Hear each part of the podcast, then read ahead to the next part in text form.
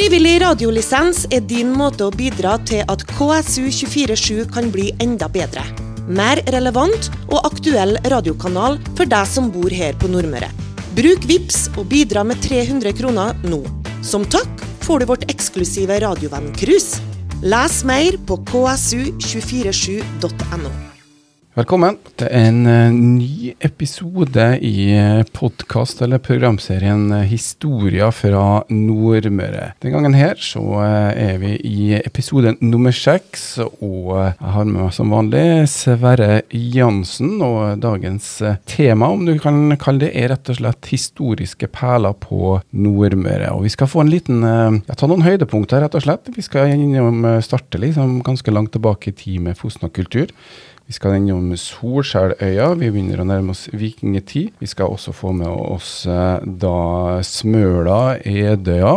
Og til slutt så skal vi også få med oss eh, Gøran Storsæter, som skal være med oss eh, i programmet. Og han skal i hvert fall snakke en del om Rastarkalv og Frei da sin plass i vikinghistoria, hvis jeg kan si det så generelt. Sverre, ja, vi tar en lang tur tilbake i dag, og du har kalt eh, programmet 'Historiske perler'.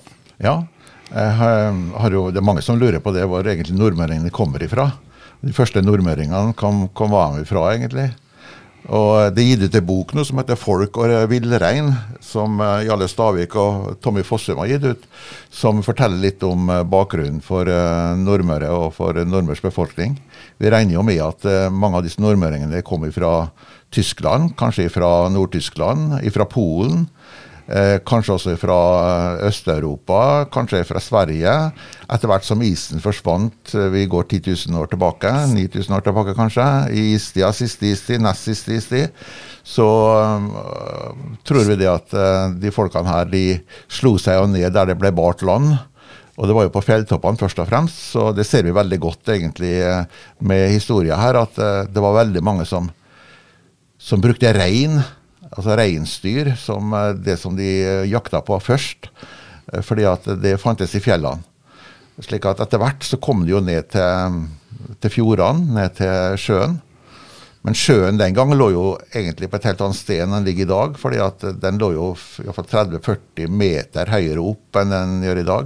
slik at skal man lete etter Fosnakulturen, så må man lete egentlig langt opp i oppe i fjellet for nesten å finne Fosna-kulturen. Fosna-kulturen er jo et stort begrep, da. Det er steinalderfolk eh, vi snakker om her, og vi snakker om eh, Altså Fosna-kulturen var vel sånn generelt navn på steinalderkulturen i hele Norge? Ja. ja. Men vi skryter jo av at den er funnet opp her i Kristiansund, da. Fordi her hadde vi jo en eh, som heter Anders Nummedal som eh, var lærer eller lektor ved gymnaset i Kristiansund. Og som gjorde en kjempejobb der i 1900 og 1909 for å finne liksom, begynnelsen på Fosna-kulturen. La meg skryte først av lærerne ved Kristiansund gymnas den gangen, og de som har fulgt etterpå, med Numedal, med eh, Tømmervåg, med Husby, det var historielærere som virkelig hadde god kunnskap om den lokale kulturen, og som kunne skrive historie. Så mange av oss som har hørt på han, og Bård Meide forresten også, som var formann i Nordmøre Historielag en periode, han var også ordfører i Kristiansund, men eh, kjent egentlig med lokalhistorie. Altså, så det var mange av den, den typen i Kristiansund på den tida der. Men Numedal han eh, det sier at han gikk på en søndagstur den 31. oktober 1909. En søndagstur rundt det som kalles Vollvatnet. Og der begynte han å finne en del av disse her eh, restene av Fosna-kulturen. Vollvatnet er egentlig et oppdemma vann, slik at eh, når han eh, gikk rundt Vollvatnet, når man gikk rundt Vollvatnet i steinalderen, så var det jo sjøen der nå. Det var ikke vann, det var sjø. Men Vollvatnet er et oppdemma vann som eh, ligger på Nordlandet i Kristiansund. da, Oppdemmet i 1786 for å gi vann til en som heter bakemester Vold, sin mølle på Dale. Og Vannet sto altså da den gangen høyere, så han gikk rundt Vollvatnet, han Numedal, og så fant han en del ting som stammer fra Fosna-kulturen. Det må ha vært veldig små øyer rundt da, av Kristiansund, og knapt nok eh, vistes da Gomma, skulle jeg tatt å si. ja, han sier jo fall at uh, Skorpa og Mele og sånn ikke vistes den gangen. Men jeg vet jo ikke helt sikkert det, da. Men uh, vi tror jo ikke det. Det gikk jo, uh, jo vann langt oppe i Kristiansund også, så jeg bor jo en 30-40 meter over vannstanden, så hvis det kommer en ny isdis, så kanskje vi kan overleve den. Vi får se. Eller hvis det tar litt eh, tid å trykke oss eh, ned, da. Ja, det vil ta litt tid, ja. Men det var iallfall interessant det han fant. og Han fant jo økser og redskap og sånn eh, fra den tida. Men Numedal han, jeg tror han fikk liksom blod på tann den gangen. Og lette andre steder også. Og spesielt rundt Alalengen skole. Neddelen av Alalengen skole. Der fant han ganske mange ting fra Fosna-kulturen. Og begynte han på Averøya, rundt Bremsneshatten, så fant han jo veldig mange ting også som stammer fra Fosna-kulturen. Og i Byskogen. Så Nordmøre var egentlig et veldig sånn fint sted for å lete etter ting i Fosna-kulturen. Men det de levde av den gangen, det tror jeg var altså jakt og fiske. Og de hadde jo båter som de hadde laga av reinsdyrskinn og sånn. og det sies det at reinsdyret brukte de egentlig hva som helst. De brukte kjøttet til mat, og de brukte skinnet til båter og til klær og sånn. Og så brukte de eh, beinrester og bein til redskap. Så de var egentlig ganske kreative, disse her første nordmøringene som, eh, som eh, etter, som eh, overlevde her til å begynne med. Reinsdrift, eh, var det en del skulle si bevegelse eller trafikk? Trekk dem frem og tilbake fra fjellene? Ja, de gjorde det. Altså Sunndalsfjellene, der er det mange sånne rester av, eh, av Fosna-kulturen. Og Tingvollfjorden også. Eh, Hannemvatnet f.eks., der er det også funnet rester av eh, Fosna-kulturen. Og i eh, både Sunndalen og i Surndal er det funnet det. Så over eh, liksom, langt oppe i fjellene så var det sånn graver som de fant. Reinsdyrene gikk ned i en steingrav og sånn, og, og så drepte de reinsdyrene når de var kommet nedi der. De lå og sånn, gjemte seg bak steiner og skjøt reinsdyrene. Det var jo ganske mange av dem sikkert, og det var folk som var De levde av dette her. Og, og så dro de kanskje ned til disse her folkene som bodde ved sjøen, og solgte en del av disse varene sine. Det var primitivt. De bodde i telt eller bodde i hula. Eh, Bremsneshula var jo eksempel en sånn hule hvor de kunne fint bo i. Og andre huler rundt omkring på Nordmøre, eller heller som de bodde under. da. Og Det finnes helleristninger rundt omkring også, som eh, er fra den tida der. Så vi har en rik kultur, egentlig. så skulle man gå en runde og for liksom å, å mm, tenke litt på Fosna-kulturen og de første nordmøringene, og sånn, så skulle man ta seg en tur rundt Vollvatnet for å tenke på gamle dager, hvordan det var å leve da. Det var litt annerledes enn å gå på et kjøpesenter. Jeg tror nok det er kanskje fremmed for eh, mange av oss, eh, situasjonen, da. Men det er jo, det er jo å sitte rundt et bål og rett og slett eh, bearbeide maten, som i er vårt menneskes eh, fortrinn. Ja, de hadde jo ikke, Det var ikke noe kjøkken, og det var ikke noe, så det var ikke kjøleskap og fryser og sånn, så de måtte jo enten salte det ned, eller, eh, eller henge det opp til tørk, eller hva de gjorde for noe. Det er jeg ikke helt kjent med, men, eh, men noen måtte de sikkert for å bevare kjøttet til vinteren og til, til vanskeligere dager. Ja, da snakker vi om 10 000 år, men så er det litt eh, sånn hopp i historien eh, fra 10 000 år tilbake, før vi en kommer til vikingtid. og Da begynner vi å finne litt eh, redskaper igjen. eh. Ja, vikingtid er jo en interessant tid, da. Og det er mange som har lest mye om vikingtida, men eh, Men har da vannet steget på en måte når det kommer eh, Ja, det var noe helt annet kultur da. Da hadde de jo begynt å bygge skikkelig hus og sånn, så de kunne leve i, og, og var mer formalisert, kanskje. Um, Iallfall når vi kommer til 800-tallet, hvor eh, Harald Hårfagre begynte å samle Norge, så var det jo en helt annet, helt annet liv, da. Men da er vi jo ganske nær i vår egen tid, la oss si. Så um, de der, eh, da har vi jo mer sikker historisk kunnskap om disse folka der. Men Nordmøre det var et sted hvor det var mye som skjedde på, um, i hvert fall i den tida fram mot da på en måte Norge ble litt samla og vi fikk eh, kanskje en, en nasjon. da. Eh, Hvordan det var egentlig ja, Skal vi si Snakker vi 800-tallet her nå, eller? Vi snakker 800-tallet, ja. Ja.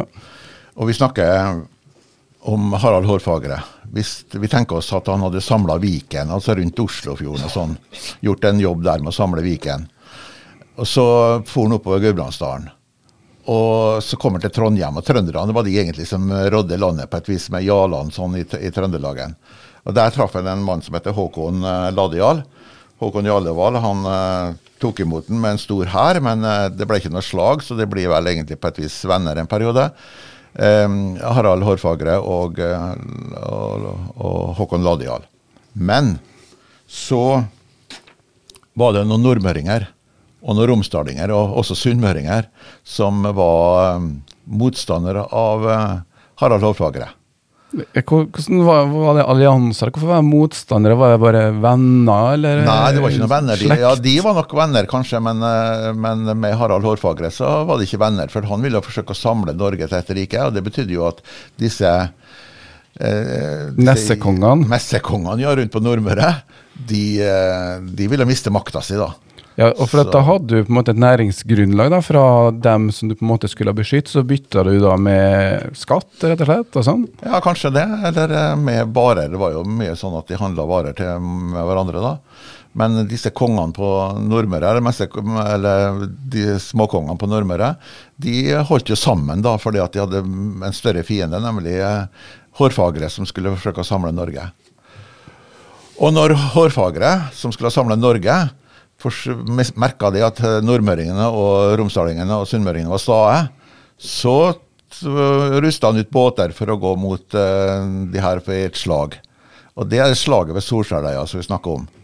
Som uh, ja, ligger altså den, uh, ja.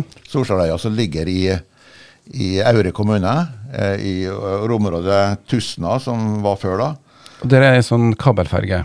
Der er kabelferge over til Solskjønøya. Mm. Og det er faktisk, da, På andre pinsedag skal det være et, et stevne eller sånn, eh, et møte der nå på øya for at man skal gå gjennom øya for å se om man kan sette opp et minnesmerke etter slaget ved Solskjønøya.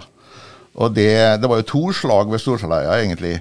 Så de slagene de, de, skjedde jo rundt 865 eh, og 867. Tallene er ikke helt sikre, men det er det jeg har funnet ut, i alle fall. Hvor eh, det på Storsaløya også heter en bergknaus som heter Kongsvollen. Og noen mener at uh, Harald Hårfagre sto på den Kongsvollen for å, uh, for å fortale til folkene sine og oppildne dem til strid. Det er fra Snorre. som er, Snorre forteller. Ja, og. Han har jo kjent for å ja, kanskje ta i litt.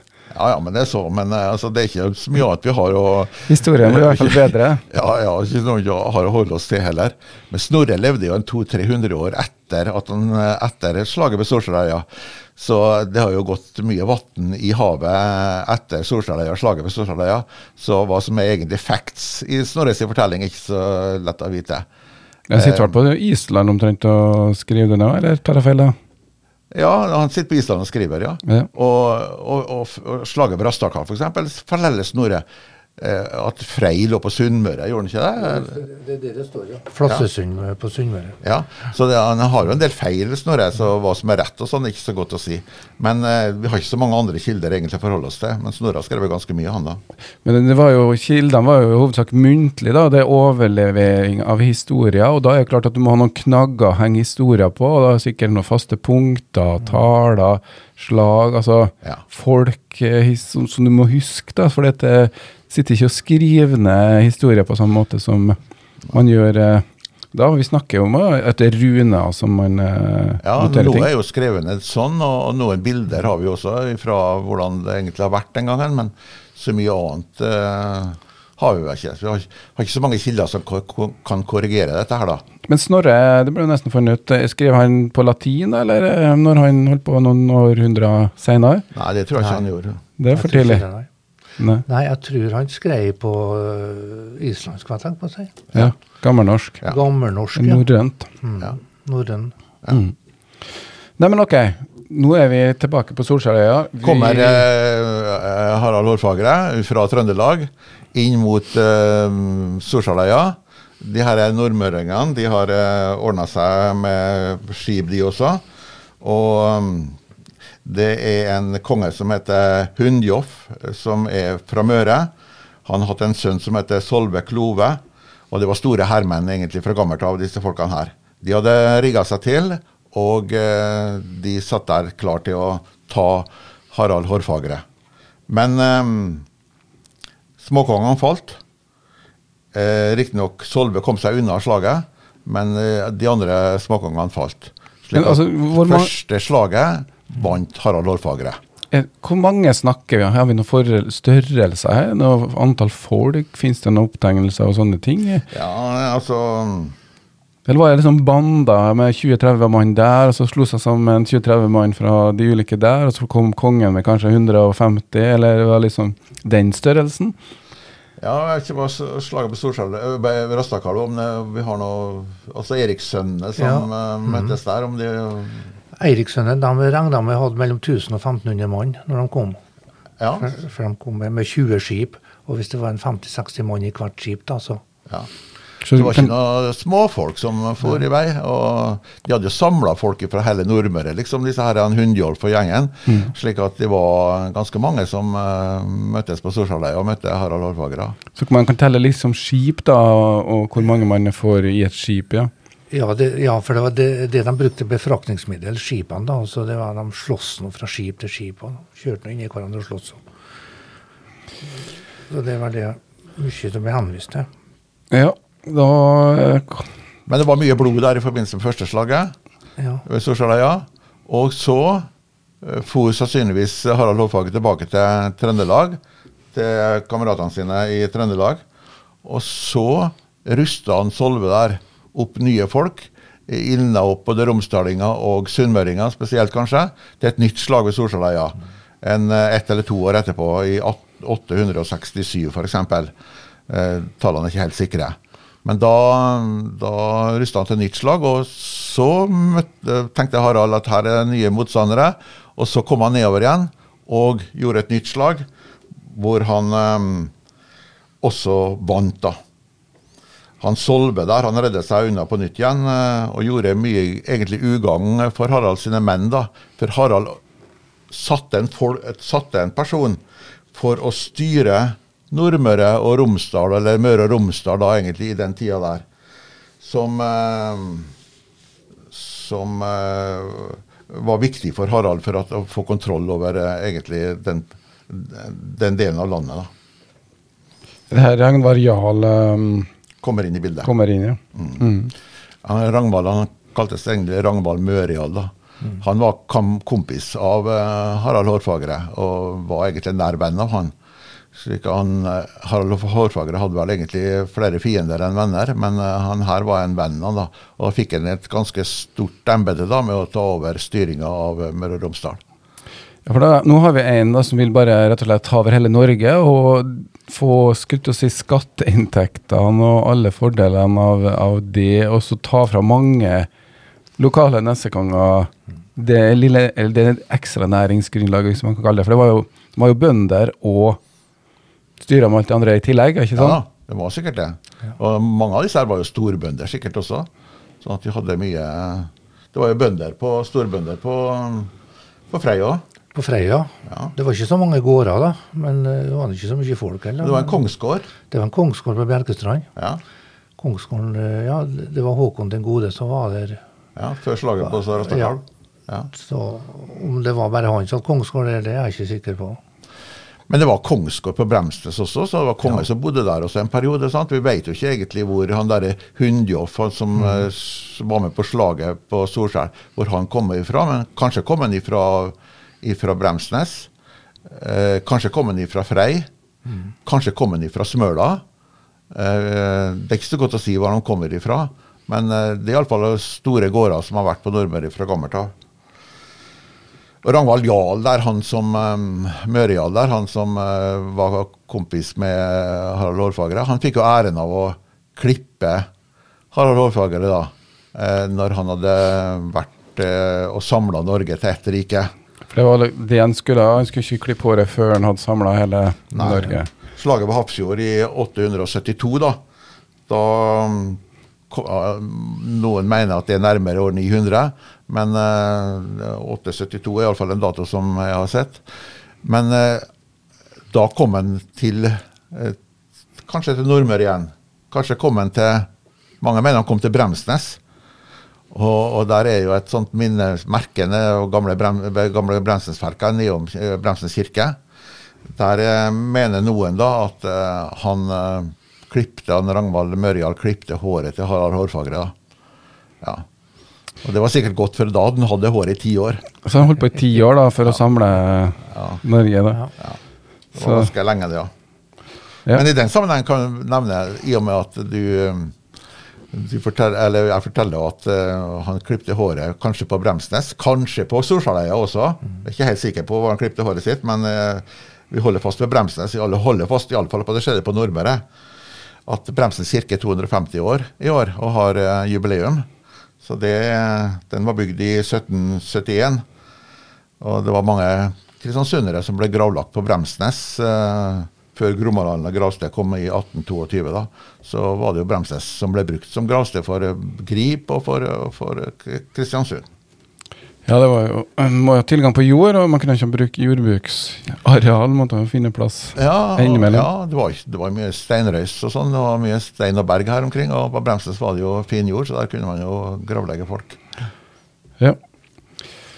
Men hva egentlig, altså, hvis man da skal gå på eh, Se en perle på Nordmøre, så er Sorsaløya en sånn perle. Så det er veldig fint om man fikk et minnesmerke der som man kunne liksom forholde seg til. Og si at eh, skal man eh, minnes slaget på Sorsaløya og Harald Hårfagres historie, så tar man seg tur over med ferga og kommer seg til Solstadøya. Ja, det er mm, mange steder. Vi skal eh, videre Vi, skal også, altså, vi har jo noen steder hvor det står noen steinkirker på Nordmøre mm, da, som man antar eh, kanskje ikke nødvendigvis har stått på den tida, men det er i hvert fall bygd på restene av andre kirker igjen, da, tenker jeg. Det er to, det er to steinkirker på Nordmøre. Og Det er Tingvoll kirke, og det er Edøy gamle kirke. Eh, steinkirka var egentlig vanskeligere å bygge enn trekirka. Så det som tyder på at eh, når det bygde steinkirke, så er det rikmenn som bygde, kanskje store hærførere, kanskje store gårdbrukere, som hadde råd til å bygge. Og kirkene er bygd omtrent på samme tida. Bygd, eh, Tingvoll kirke er bygd eh, 1090 kanskje, 1100-tallet, også på Edøya. Eh, Like etter at Nidarosdomen ble bygd, eller holdt på å bygge, den har aldri vært ferdig, men den holdt på å bli bygd. Slik at eh, der eh, er egentlig sentrale kirker på Nordmøre, de to steinkirkene som vi har.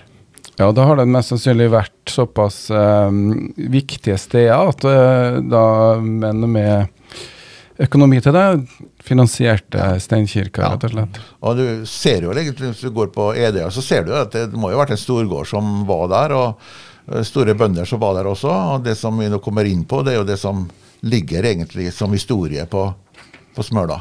Og la meg si nå, når vi går over til Smøla, at uh, er det et, et sted som er fullt av kultur fra den tida her, så er det jo Smøla. Med med kulestein, med Edøyskipet, med Edøystjerna og med de gårdene som var f.eks. på Edøya. Så, så her er det jo egentlig kjempemye historisk stoff som man kan trekke ut av, um, ut av, ut, ut av Smøla. Så folk må ta seg en tur til Smøla i sommer og minnes eh, de her eh, sentrale stedene. Og da skal man gå først og se på kulistein, som ligger på Kuløya. Vi kommer snart tilbake til. Vi tar en litt kort liten eh, pause. Frivillig radiolisens er din måte å bidra til at KSU247 kan bli enda bedre. Mer relevant og aktuell radiokanal for deg som bor her på Nordmøre. Bruk VIPS og bidra med 300 kroner nå. Som takk får du vårt eksklusive radiovenn-cruise. Les mer på ksu247.no. Vi har uh, tatt en runde med litt uh, rett og slett historiske peller her på Nordmøre. Og litt sånn oppsummert nå, så har vi jo vært innom Fosna-kultur, men det er mye vikinghistorie da. Og eh, et sted som virkelig har tredd fram i vikinghistorie i stadig større grad, eh, det er jo Edøya og Smøla. Kulistein, eh, Sverre. Ja, altså Det ligger jo en, en rest, altså det ligger en kopi av Kulestein på Kuløya. Tore Kuløya han har jo tatt vare på den, eh, altså fått et minnested der nå på Kuløya med kulestein. Og eh, den originale steinen den eh, står på Vitenskapsmuseet i Trondheim. Den ble frakta dit i 1913. Og den gangen man bygde eh, bygde det senteret rundt eh, spelet på, på Edøy, så håpte man jo å få kulestein dit, den originale, men det fikk man ikke. Men den er nå tatt vare på altså i Trondheim.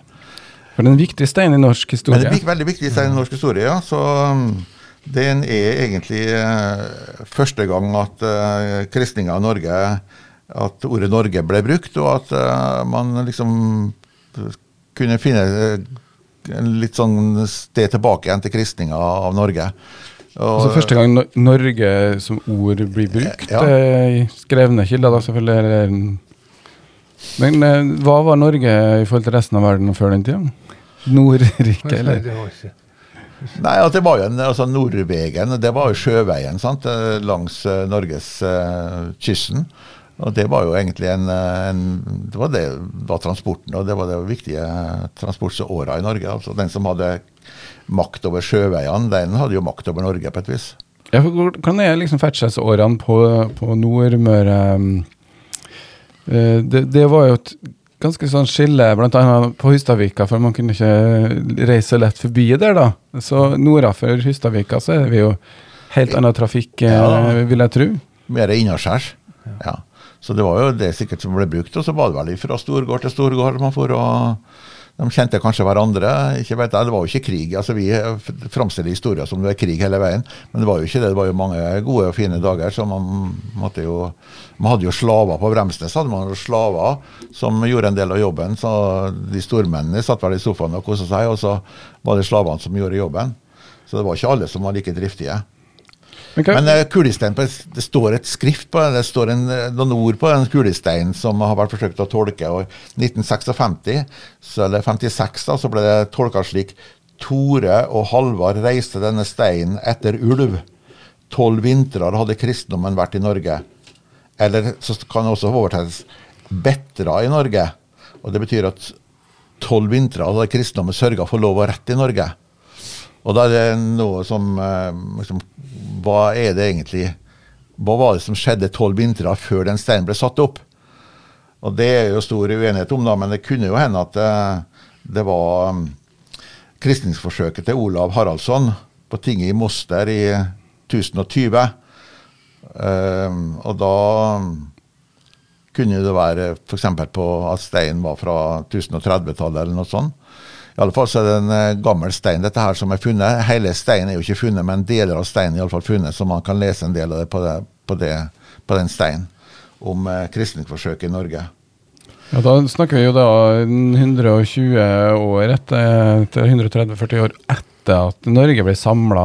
Så da var man utgangspunktet hedensk samfunn? Ja, ja da. Og de her jarlene i Trøndelagen, det var jo egentlig altså, det var jo hedenske folk, dette her, så de tok jo vare på hedendommen. Og, øh, og Olav altså Harald Hårfagre var jo ikke noe kristen konge, så han øh, tok jo vare på hedendommen.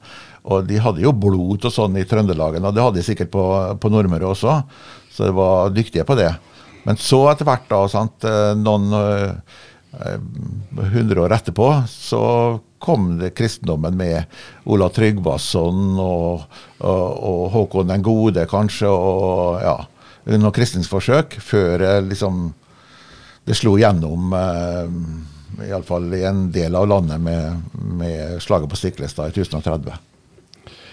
Ja, så steinen kan være reist uh, rett rundt den tida da? Ja, kan være reist rundt den tida der. ja. Og det er et, et minnested som egentlig går an å, å, frak, å, ta seg en tur nå og se på, på den steinen og se på hva som står der og sånn. Og, og man får orientering der nå hvis man ønsker.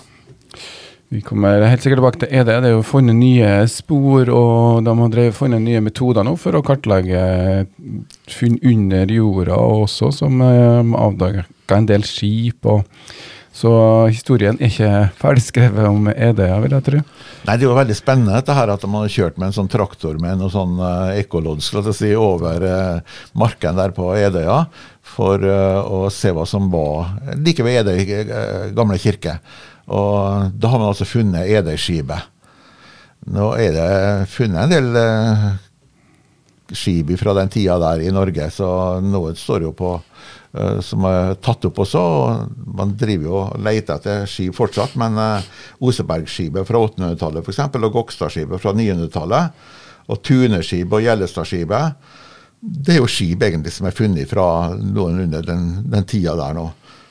Og som er, noen av dem er jo grove opp også, og de driver jo i dag også og graver opp et skip som eh, kanskje er likt Ederskipet. Men Nederskipet ligger altså under jorda, og man er ikke, er ikke helt sikker på hvordan det er, men eh, det skal være 13 meter langt, så det er et ganske stort skip da. Og ble brukt kanskje både til å frakte ting med og til, til å krige med. 13 meter langt. Hvor mange mann kan man få i 13 meter langt skip, da? 50-60 stykker? Er så god plass? Nei, Jeg vet ikke om det er så mange på 13 meter, nei. 13 meter, det, er- de var lengre om langstand, tror jeg. Jeg vet ikke hvor lang. De var sikkert lang- større enn ja. lengstand, ja. Ja. ja. Nei, men eh, det gikk en del mann der. Men eh, det er ikke sikkert det var det eneste skipet de hadde. De hadde sikkert mange skip, og de var jo flinke til å bygge skip etter hvert, de her eh, vikingene, og, og på den tida der i alle fall. Men er det ikke sånn nå at man eh, ofte ikke tar opp ting fra mm, nødvendigvis tre da, fra jorda, fordi at eh, i det øyeblikket du tar det opp i lufta, så starter forråtningsprosessen, eller går fortere, da. Sånn at man uh, istedenfor å ta opp uh, vikinggrav, så lar man det ligge, eller bruker metoder som man har gjort på EDA. Ja. Det er diskusjon om man skal ta opp det EDA-skivet, men uh, nå er det vel ikke så mange sånn, skikkelige rester igjen. fordi at jordsmonnet på Edøya er ikke så veldig godt å bevare med. eh, bevare skip i, sånn at eh, det kan godt hende at det meste smuldrer opp, men at man bare ser rester av spantene og sånn i det skipet. At det ikke er så mye å hente opp, egentlig. Men eh, det er jo spennende å se hvem som ligger i det skipet, hvis det skipet er brukt som en grav f.eks. Hvilke konger som ligger der. Ligger Hundjoff der f.eks.? Eller er det andre konger som ligger der? Hvilke gjenstander var det oppi det hans, eller grava til den som ligger der? Var det andre mennesker? Ble de begravd sammen med andre? Eh, var det ting som de brukte som redskap, som krigsgjenstander f.eks.? Og hva, hva de hadde med seg på reisen. De så jo livet etter døden som en reise videre, og de måtte ha med seg ting på reisa. Og hvor kommer skipet fra? Hvem var det som brukte det? Det er jo veldig mange interessante ting som kan finnes. Eh, sikkert hvis man begynner å jakte litt mer på, på det skipet. Man kunne jo grave seg ned og se deler av skipet om man ikke tok opp hele skipet. Det har jo vært en del gra gravplyndring opp gjennom uh, årene også. Jeg snakker ikke moderne tid, men også i den tida, for noen hundre år etterpå kanskje, så kunne det være noen som har uh, plyndra graver. Ja, ja, klart det. Det var jo mye rikdommer som lå der. Hvis det var gull f.eks., sånn, så var det veldig verdifullt. Så, og redskap som lå der også, altså, som eh, kunne brukes i krig, så var det kjempeviktig å ha med seg. Vi har jo flere båtgraver på Nordmøre. da. Mo i Surnadal og på Røttingsnes på Tingvoll er det også båtgraver som ikke er gravd, båtene er ikke gravd fram. Men altså, vi har jo egentlig eh, mye å ta tak i hvis man først eh, vil. Men eh, kanskje skipet på Ederskipa at det er brukt ved slaget ved, slaget Solskjærøya. Med Harald Hårfagre og, og flokken hans, eller motstander av han. da. Slik at det har sin egen historie til skipet, og derfor er det interessant egentlig å, å liksom få vite litt mer om eh, Og det tror jeg Jeg tror ikke de folka som har funnet det skipet, gir seg nå i første omgang med, å la det ligge sånn som det ligger nå. Man vil lete etter flere ting i det distriktet. Men i det området der eh, ligger også Edøystjerna, som eh, er en stjerne som er funnet som et sånt, kanskje sånt, sånt kultsted, sånt symbol egentlig for, for eh, det kulstige rundt i det gamle kirke. Ja, Edøystjerna, uh, hva er det? Ja, det ligger ei stjerne. altså Det er bygd med sånne steiner. da, så Det var gravd opp eh, for noen år siden.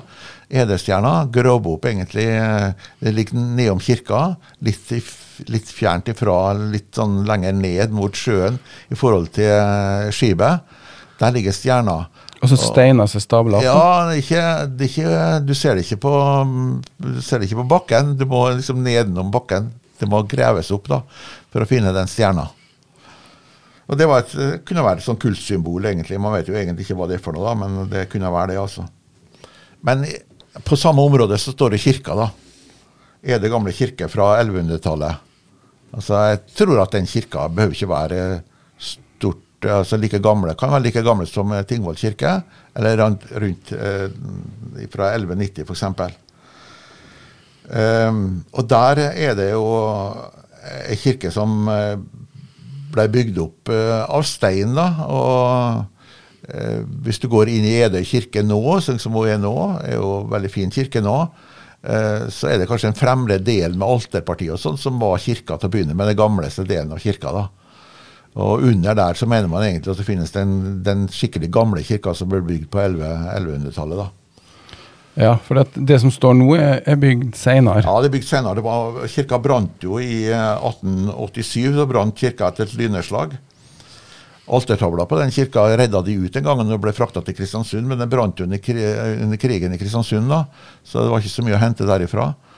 Men eh, Da sto det egentlig igjen ruiner da, i ganske mange år, gjorde det ikke? Ja, det gjorde det. Det gjorde det, ja. Så det var en kunstner som heter Daniel Hagerup, da, som eh, de sier betalte gjenreisninga, iallfall mye av gjenreisninga av den kirka. Vi man snakker helt fram til, til, krigen, så brukte jo tyskerne det her som uh, rett og slett befestning, eller? Ja, gjorde det. Gjorde det, ja. Mm. Så det var jo sikkert en eh, Den ligger jo veldig fint i forhold til gravsteder mm, ved siden av kirka, og til Edeigården der også ved siden av kirka. Sånn, og så har du sant, båten der ved siden av. Du har der de spiller Guri-spelet, altså Guri-senteret der med kafeteria og sånn. Og så har du Edøystjerna altså, akkurat på de områdene der, og så i øya ved siden av. Der ligger Kulistein. Så det er ganske mange sentrale ting der som ligger på Edøya. Men jeg snakker om Daniel Hagerup, han skal vi høre om på et senere program. Men han Du er sikker på ikke var Eilert? Eilert, nei, den, eiler til faren. Daniel er sønn. Så uh, her er det han Daniel her, han, han hadde en, sikkert en god økonomi som kunne være med på å bygge, gjenreise den kirka. Men det var to kirkeklokker, og de er stemt i E og G, er noen som har fortalt meg. Og det er etter foreldrene sine, Eilert og Guri Hagerup. Og de bodde på Smøla. De bodde ikke så langt ifra, ifra Edøy, Edøy kirke. Altså Edøy kirke og Edøy gamle kirke, to forskjellige ting. Men lenger inn på Edøya det finnes Edøy kirke. Der var det et sykehjem, og eh, det var også et sånt eh, legesenter. Eh, nedom der mot sjøen der ligger eh, Daniel Hagerup sitt, eh, sitt, hjemsted. Og han hadde også to foreldre som heter eh, Eilert og Guri. Og de kirkeklokkene som han kjøpte inn til den kirka, de ble stemt i E og G for at de skulle bindes foreldrene hans. Og Vi kan allerede avsløre nå at vi kommer til å ha et program om eh, hvor da Daniel eh, Hagerup står i sentrum. Yeah. Så det blir veldig interessant.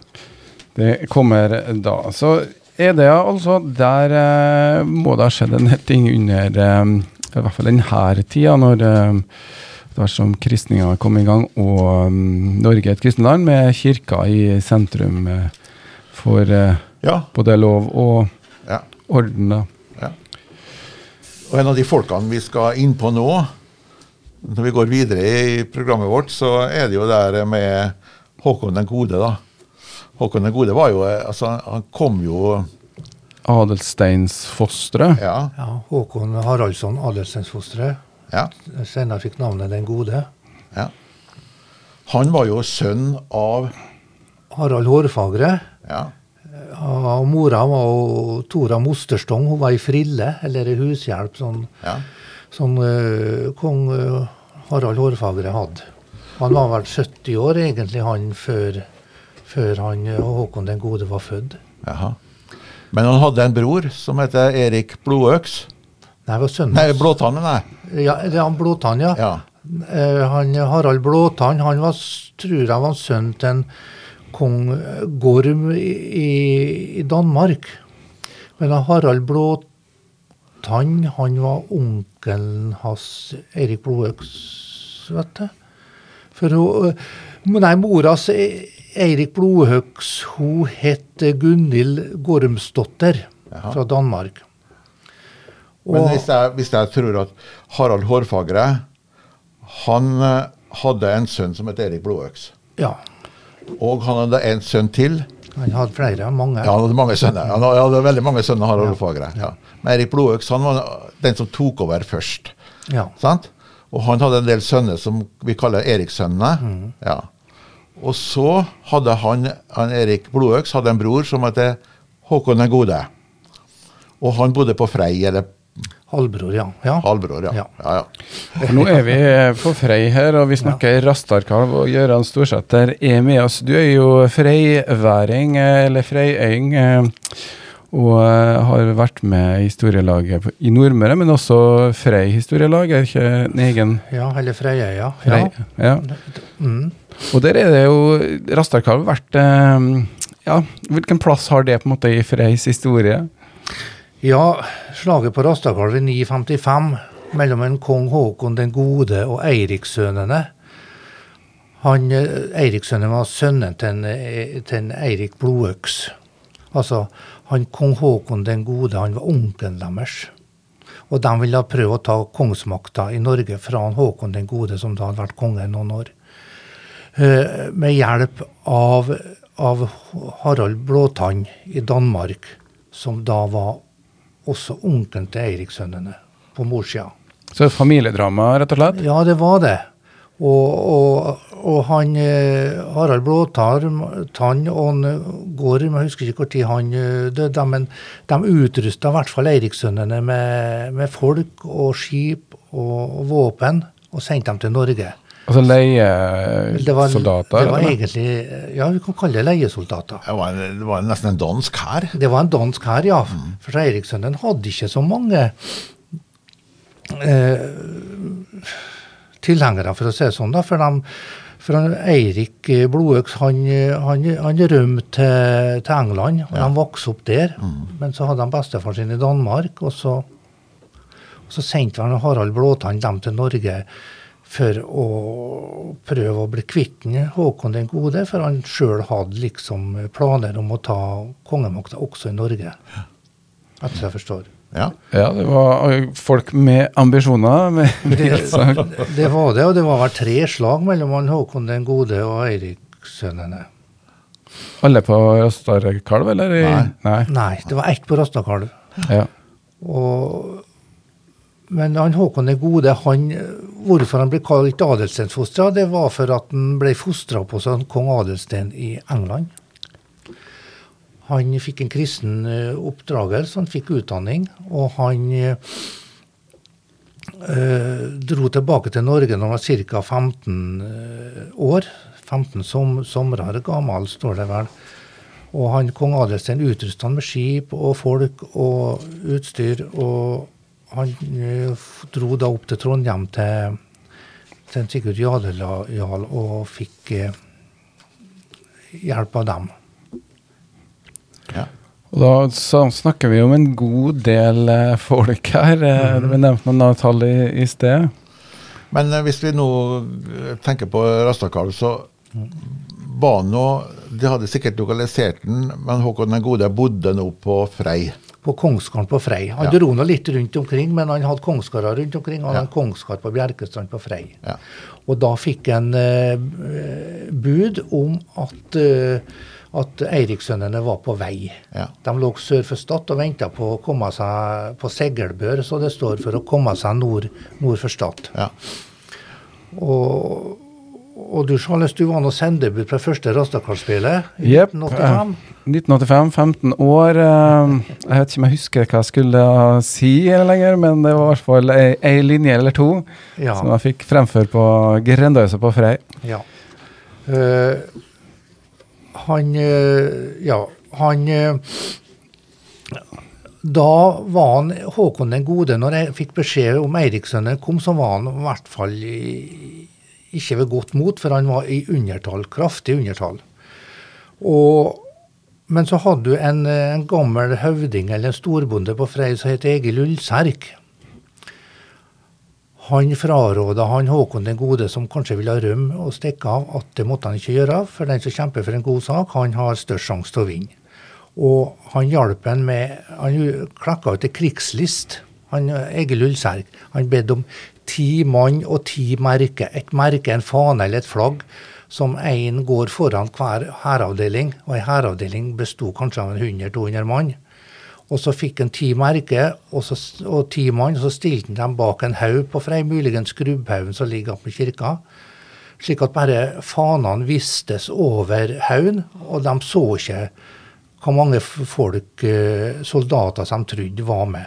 Så de, det ble panikk blant Eirikssønnen og danskehæren. Eh, De trodde det var, de ble falt i ryggen av en stor hær, men så var det bare ti mann. Og da sprang de, fikk panikk og sprang ned til båtene sine. Det lå 20 ski- vikingskip oppdratt ned på Freistranda. De var ikke vant til flo og fjære, de eh, eh, Eirikssønnen og danskehæren. For de, eh, de kom sannsynligvis på floa, og så ble det fjære, og så lå skipene tørre. Og de fikk dem ikke ut. Og de ble eh, slakta ned, ganske mange i hvert fall. Men, eh, men det var tre trefninger, da. Før det ble oppdaga at de ble bare lurt. Og eh, kong eh, gamle Eiriksson han falt der, og Egil Ulserk falt der. I Men slaget gikk litt frem og tilbake, altså? Det gikk frem og tilbake, ja. Det var tre trefninger. Da de oppdaga han ble lurt, så samla Eirikssønnene troppene igjen og gikk tilbake. For da så de at det var ikke noen hæravdeling som kom, det var bare ti mann. Men de måtte flykte likevel? De måtte flykte likevel, ja. For, da, for danskehærens og leiesoldatene de var ikke så lojale, tror jeg egentlig, er vel sagt. De ville ha en lett eh, De var stilt opp i stedet for en lett kamp. Ja, de har vel det vært ja. Det med en god sak var kanskje viktig. De Ja. kjempa kanskje hardere, de som stilte Ja. på um, Håkonssons side. Ja, de gjorde det. De var mer eh, lojale, tror jeg, mot den Håkon den gode. Så det var en Egil Ulserk egen som som berga han den gangen. Men kom, Du nevnte noen tall. eh, Hvor mange som var på hver sin side her? Nei, eh, Eiriksson jeg regna med var en 1500 mann. Det er litt vanskelig å anslå det pga. Uh, Snorre skrev det en 250 år etter slaget, og, og det var vel mye frem og tilbake. Eh, Men han Håkon den gode hadde ikke så mange mann, for han måtte hente mann fra hele Nordmøre, han jeg, eller fra Trøndelag ja, også. Ja, det ble sendt et bud, Ja. sendebåt, for, å hente, for å samle folket. Ja. Men når du vet hvor lite folk som bodde i Norge en gang, så har jeg hørt at det, en gang at det var kanskje 200 som bodde på Frei. Ja. Og, da var det, og når det kommer eh, 1500 mann der, da, Ja. så er det utrolig mye folk da, i forhold til det som bodde der. Var det sendebudene når Charles Williamsen var ja, Charles Williamson var sendebud på Frei Grendals i 1985, ja, det første ja. spillet. jeg kom med budet til Håkon eh, den, altså, til Håkon med beskjed om at Eirikssønnene var i anmarsj. Ah, ja. De var i anmarsj, ja. Ja. Da når han fikk beskjed, så hadde han vel en sju dager på seg, cirka Håkon den gode, etter som det står. ja. For, de, For å gjøre seg klar til slag. ja, for det var et styggvær, de kom seg ikke over Stad. Mm. Og derfor så sprang sendebudene for landeveien, da. Men hvordan var det endeliktet på det slaget der? Erikssønnen måtte flykte. Eirikssønnen flykta, ja. De fikk nå med seg en eh, ja, Det var mange som var skadd, og mange ble drept. og Noen tok dem med seg, og noe lå igjen, selvfølgelig. De ble pressa ut utenfor Freidarberg, for det er så stup Ja. der. Og det var en del vikinggraver langs Freistranda, Ja. nedom Øvre Frei. Ja. Men de er nå oppgrovet og sikkert gravrøvere har vært. Men de tok med seg på Ikorneset rett overfor Freifjorden, bort Ja. på Gjemnes, Ja. der er det også noen vikinggraver. Ja. Så de regner med at det kan være Eirikssønnene som hyver dem opp i båtene, eller for over dit og gravla sine, eller Ja. haugla sine døde, ja. før de for videre sørover igjen. De kom ikke noen vei. Men hvordan, da Du nevnte at det var tre slag. Hvilket slag i rekkefølge var det her? eh? Der tror jeg var det andre, og det andre, tredje var ved Fitjar. Ja, det var der han døde. Ja. Eh, og der eh, var det sånn faktisk at han, eh, han Håkon den gode overga makta av Norge til Erikssønnene, som eh, tok over makta etter hvert. da, og Det var de som han kjempa mot på Rastakalv, men eh, der på Fitjar så ga han, over, ga han eh, liksom makta over til, ja, til onkelbarna sine, på et vis. Ja. Ja. Så da nådde de frem til slutt med Så sitt nådde mål. Frem til slutt. Og det sies at Olav, altså Håkon den gode hadde fått en kristen oppdragelse i England og sånn, men, men det er litt uklart hvordan han ble begravd. Om det var en hedensk begravelse eller om det var en kristen begravelse. Det tror jeg liksom, ikke er helt sikker på. Nei, han vet vel ikke helt sikkert det. Men det er haugler, og det er ikke kors oppå grava. Nei, de, de hyver vel i grop og hyver stein oppå. Mye stein så rovdyr og sånn ikke skal grave dem opp. Ja, og det korset er sikkert råtna opp nå, da, hvis Ja, det var korset. et Ja, det var korset. Ja, det først. Ja, han prøvde å føre inn kristendommen som den første Ja kongen. Han gjorde var på det, det gode, det. men, Ja. men det gikk skeis. Ja. Så ladejarlene var ikke så mye interessert. Nei, det var ikke det, vet du. Nei, så han møtte mye motstand, så Ja. det ble ikke noe, Det noe var ikke noe kristning med han. nei, nei, det ble, ble ikke det. Vi snakker årstall her nå, Ja. ca. 50 Ja, Slaget ved Fitjar, der han overga seg eh, på Stord der, det var i 961. Ja. ja. Så det begynner å bli noen år siden, det også. ja. Så det tok jo 50, 60, 70, 80 år eh, før eh, ja. de kaller Norge for kristne. Ja, ja da, Ja. jeg gjorde det. Men du, og så eh, Gøran, så er det laga et spel ja. om dette slaget ved, på Rastakalv. Det er det. Det første utgaven i 1985, det som sagt når Charles var med, det var, det var en som het Petter Wærnes, som var medlem i Must ungdomslag, som tok initiativ, eller skrev et utkast.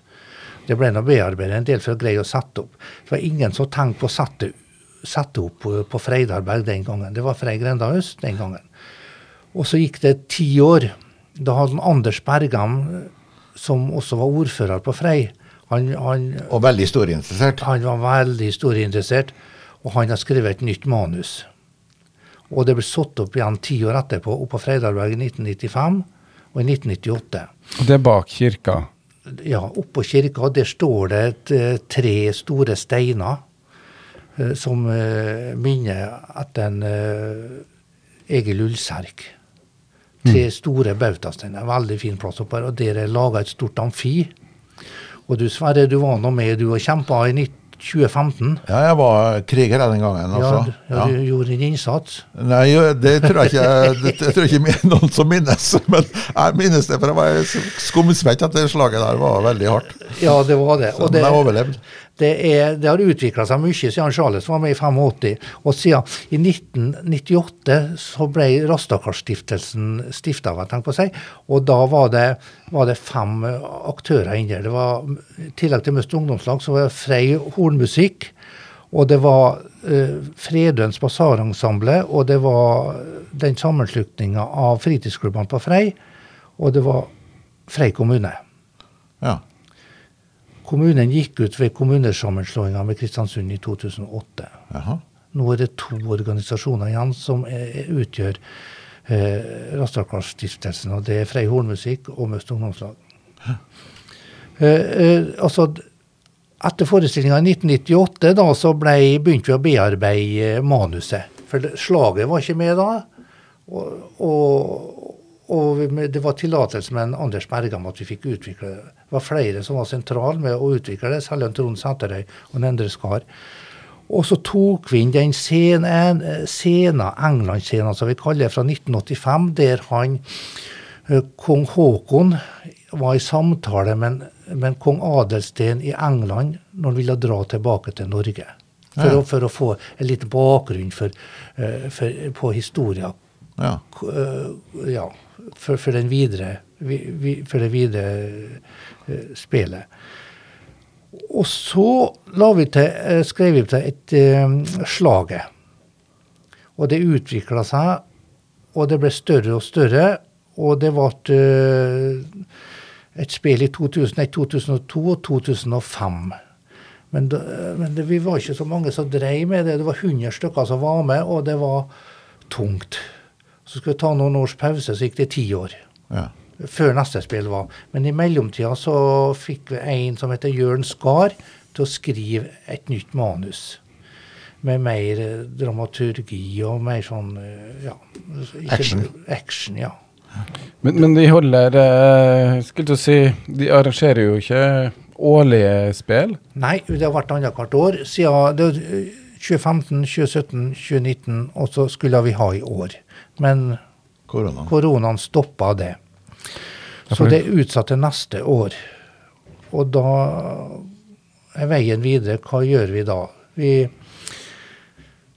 det er 100 stykker som må på plass for å få til spillet. Det er økonomi som må på plass, og nå har vi mista et år. Vi har utgifter, leie, leie, leieutgifter og, og forsikring. Og, så vi trenger en del sponsorer, og vi trenger en del folk eh, til skuespillere. Både i litt store roller og som, eh, som krigere. Krigere og bak. Folk bak. òg. Ja, så det er egentlig bare å komme seg rundt på Nordmøre, bli litt inspirert Ja. av vikingtida, og rett og slett slenge seg med her nå, um, og få løfta frem uh, Freyøya som et uh, slagsted også. Ja, det er, det er en viktig del av historien vår. da, Som, eh, som jeg vil si, tidligere Frei kommune var mye flinkere til å, å profilere Rastakarspillet enn hva det har blitt etter kommunesammenslåinga. Ja, det er jo eneste Kristiansund har, da. Det er jo ikke noe vikingslag i Kristiansund. Nei, det er et viktig sentralt uh, en sentral hending som er omtalt uh, i Snorre. og Det er derifra vi har det. da. da. Men eh, tar dere sikte på at i 1922, nei, nei, 20. 2022 skal det bli et nytt spill? Er det det, Ja, det det, er det, det, det er det som er meninga. Right. Vi skal ha styremøte i morgen. Jaha. Ja. For vi prøver å legge opp en plan for å se hva vi får til. ja. Men eh, det vi sliter med, det er ungdommer sånn da, som er med, og så reiser de bort. ja. Tar videreutdanning. som er- Men du har jo vært eh, Du er jo en eh, glimrende skuespiller. Jeg har jo Ja, sett det- deg i, i de rollene du har Hvilke hatt. roller har du hatt? Eh, siste årene har jeg hatt rolle som Egil Ullserk, og så har jeg hatt en annen rolle òg, da. Ja. En, en, en av en gammelkaren som får være rote til å begynne med, før han Egil Men den eh, gammelkaren er jo kjempe, kjempefin rolle. Du spiller jo glimrende den rolla som den gamle karen. Og Egil Ulsterk-rolla. Så du er jo en stor skuespiller der nå, så de må jo de må jo ha det spillet. så lenge Men det er vel uh, Møsterrevyen som har eh, det, det, bidratt til at du eh, er på scenen. ja, ja, ja, det er liksom teater og, og, og drama som har vært en interesse siden Ja, jeg har sagt det at er det noen skuespill som er fra Nordmøre, så er det en Gøran, har jeg sagt. Nei. Og det står jeg fast ved. Men det er veldig interessant spill, at det er veldig interessant historie.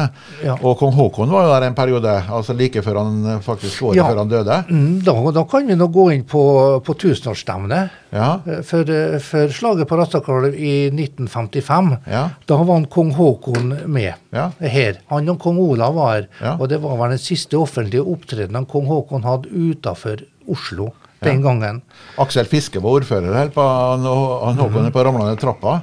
Jeg var Ja. på den eh, Ja. på der i, i 55, var det 55? 56? 1955, ja. Ja. Men når døde han? Han kong Haakon. Ja, 1957, tror et par år senere. Ja. Ja. Og det, det, var, en- det var en Aksel Fiske som var driver, også han Christian Williamsen, Jaha. som gjorde mye praktisk arbeid der. ja. Og Og var, da var det mye folk der, for da spiste jeg is, husker jeg, og gikk rundt steinene der på Ekran utenfor kirka der. det var ca. 10 000. Var det, ja? Ja. Ja. Og da lå det båter i hele Flassetunet nedenfor Freikaia. og eh, Du så bilder der. Det var utrolig. De kom fra alle plasser. Men det ser du på Rastakarlspillet i dag. Det er større interesse på nabokommunene. Gjemnes, Tingvoll, Averøya. De kommer eh, Ja. veldig mye folk derifra og Ja. ja. Og det var det den gangen. Han snakka med en gammel kar fra Tingvoll. Da, da var de ja. med en motorbåt og fikk skyts og fikk se kongen. Ja, ja. Ja nei, det er en fin historie, dette med, med kong Haakon den gangen. Mm. Ja, vi har jo vært gjennom en del eh, vikinghistorie her nå, eh, og, mm, og eh, det blir jo spennende å høre hvordan det skal gå med da, ikke bare slaget på Rastarkalv, men med spelet om slaget på Rastarkalv. Da Mm. får vi håpe at eh, Gøran og eh, gjengen i styret får eh, gnisten og er klar for å få henta inn litt sponsorer. Og klart, eh, hører du på har lyst til å bidra? Ingen tvil om å, hva du skal gjøre. Så må vi ha godt vær. Vi må ha godt vær. Men det er, det, er det i juli? Det er sankthanshelga. Det var den helga det var eh, slaget i 955. Ja. Det var midtsommers. Da kan det være lang natt eh, etterpå da. Vi eh, skal runde av litt. Renne. Hvis du har noen innspill, tilbakemeldinger, post et eh, ksu247.no kan du sende en e-post til. Og eh, vi har vel eh, planlagt en neste runde, men da snakker vi vel egentlig om Kristian eh, Fostervoll. Fostervoll. Ja. Og det vi nevnte tidligere om eh, Daniel Hagerup, bl.a. Og i tillegg så han har jo vokst opp i eh, Kristiansund. Han vokste opp på Klausnenga og har eh, veldig mange historier fra, fra oppveksten sin på Klausnenga. Faren hans var lærer i Kristiansund og på Frei. Eh, og Kristian, han eh, i min årgang, så han er bare ungdommen. Da skal gammelgutta mimre litt om Klausnenga og tida oppi der, og det er jo mange som eh, har sine røtter derifra. Med oss i dag da har jo det vært Sverre Reinert Jansen og Gøran Storsæter og eh, Charles Williamsen. Så vi skal takke for oss, og så høres vi igjen eh, om ei uke. Takk for oss. Takk i like måte. Ja, takk. Frivillig radiolisens er din måte å bidra til at KSU247 kan bli enda bedre. Mer relevant og aktuell radiokanal for deg som bor her på Nordmøre. Bruk VIPS og bidra med 300 kroner nå. Som takk får du vårt eksklusive radiovenn-cruise. Les mer på ksu247.no.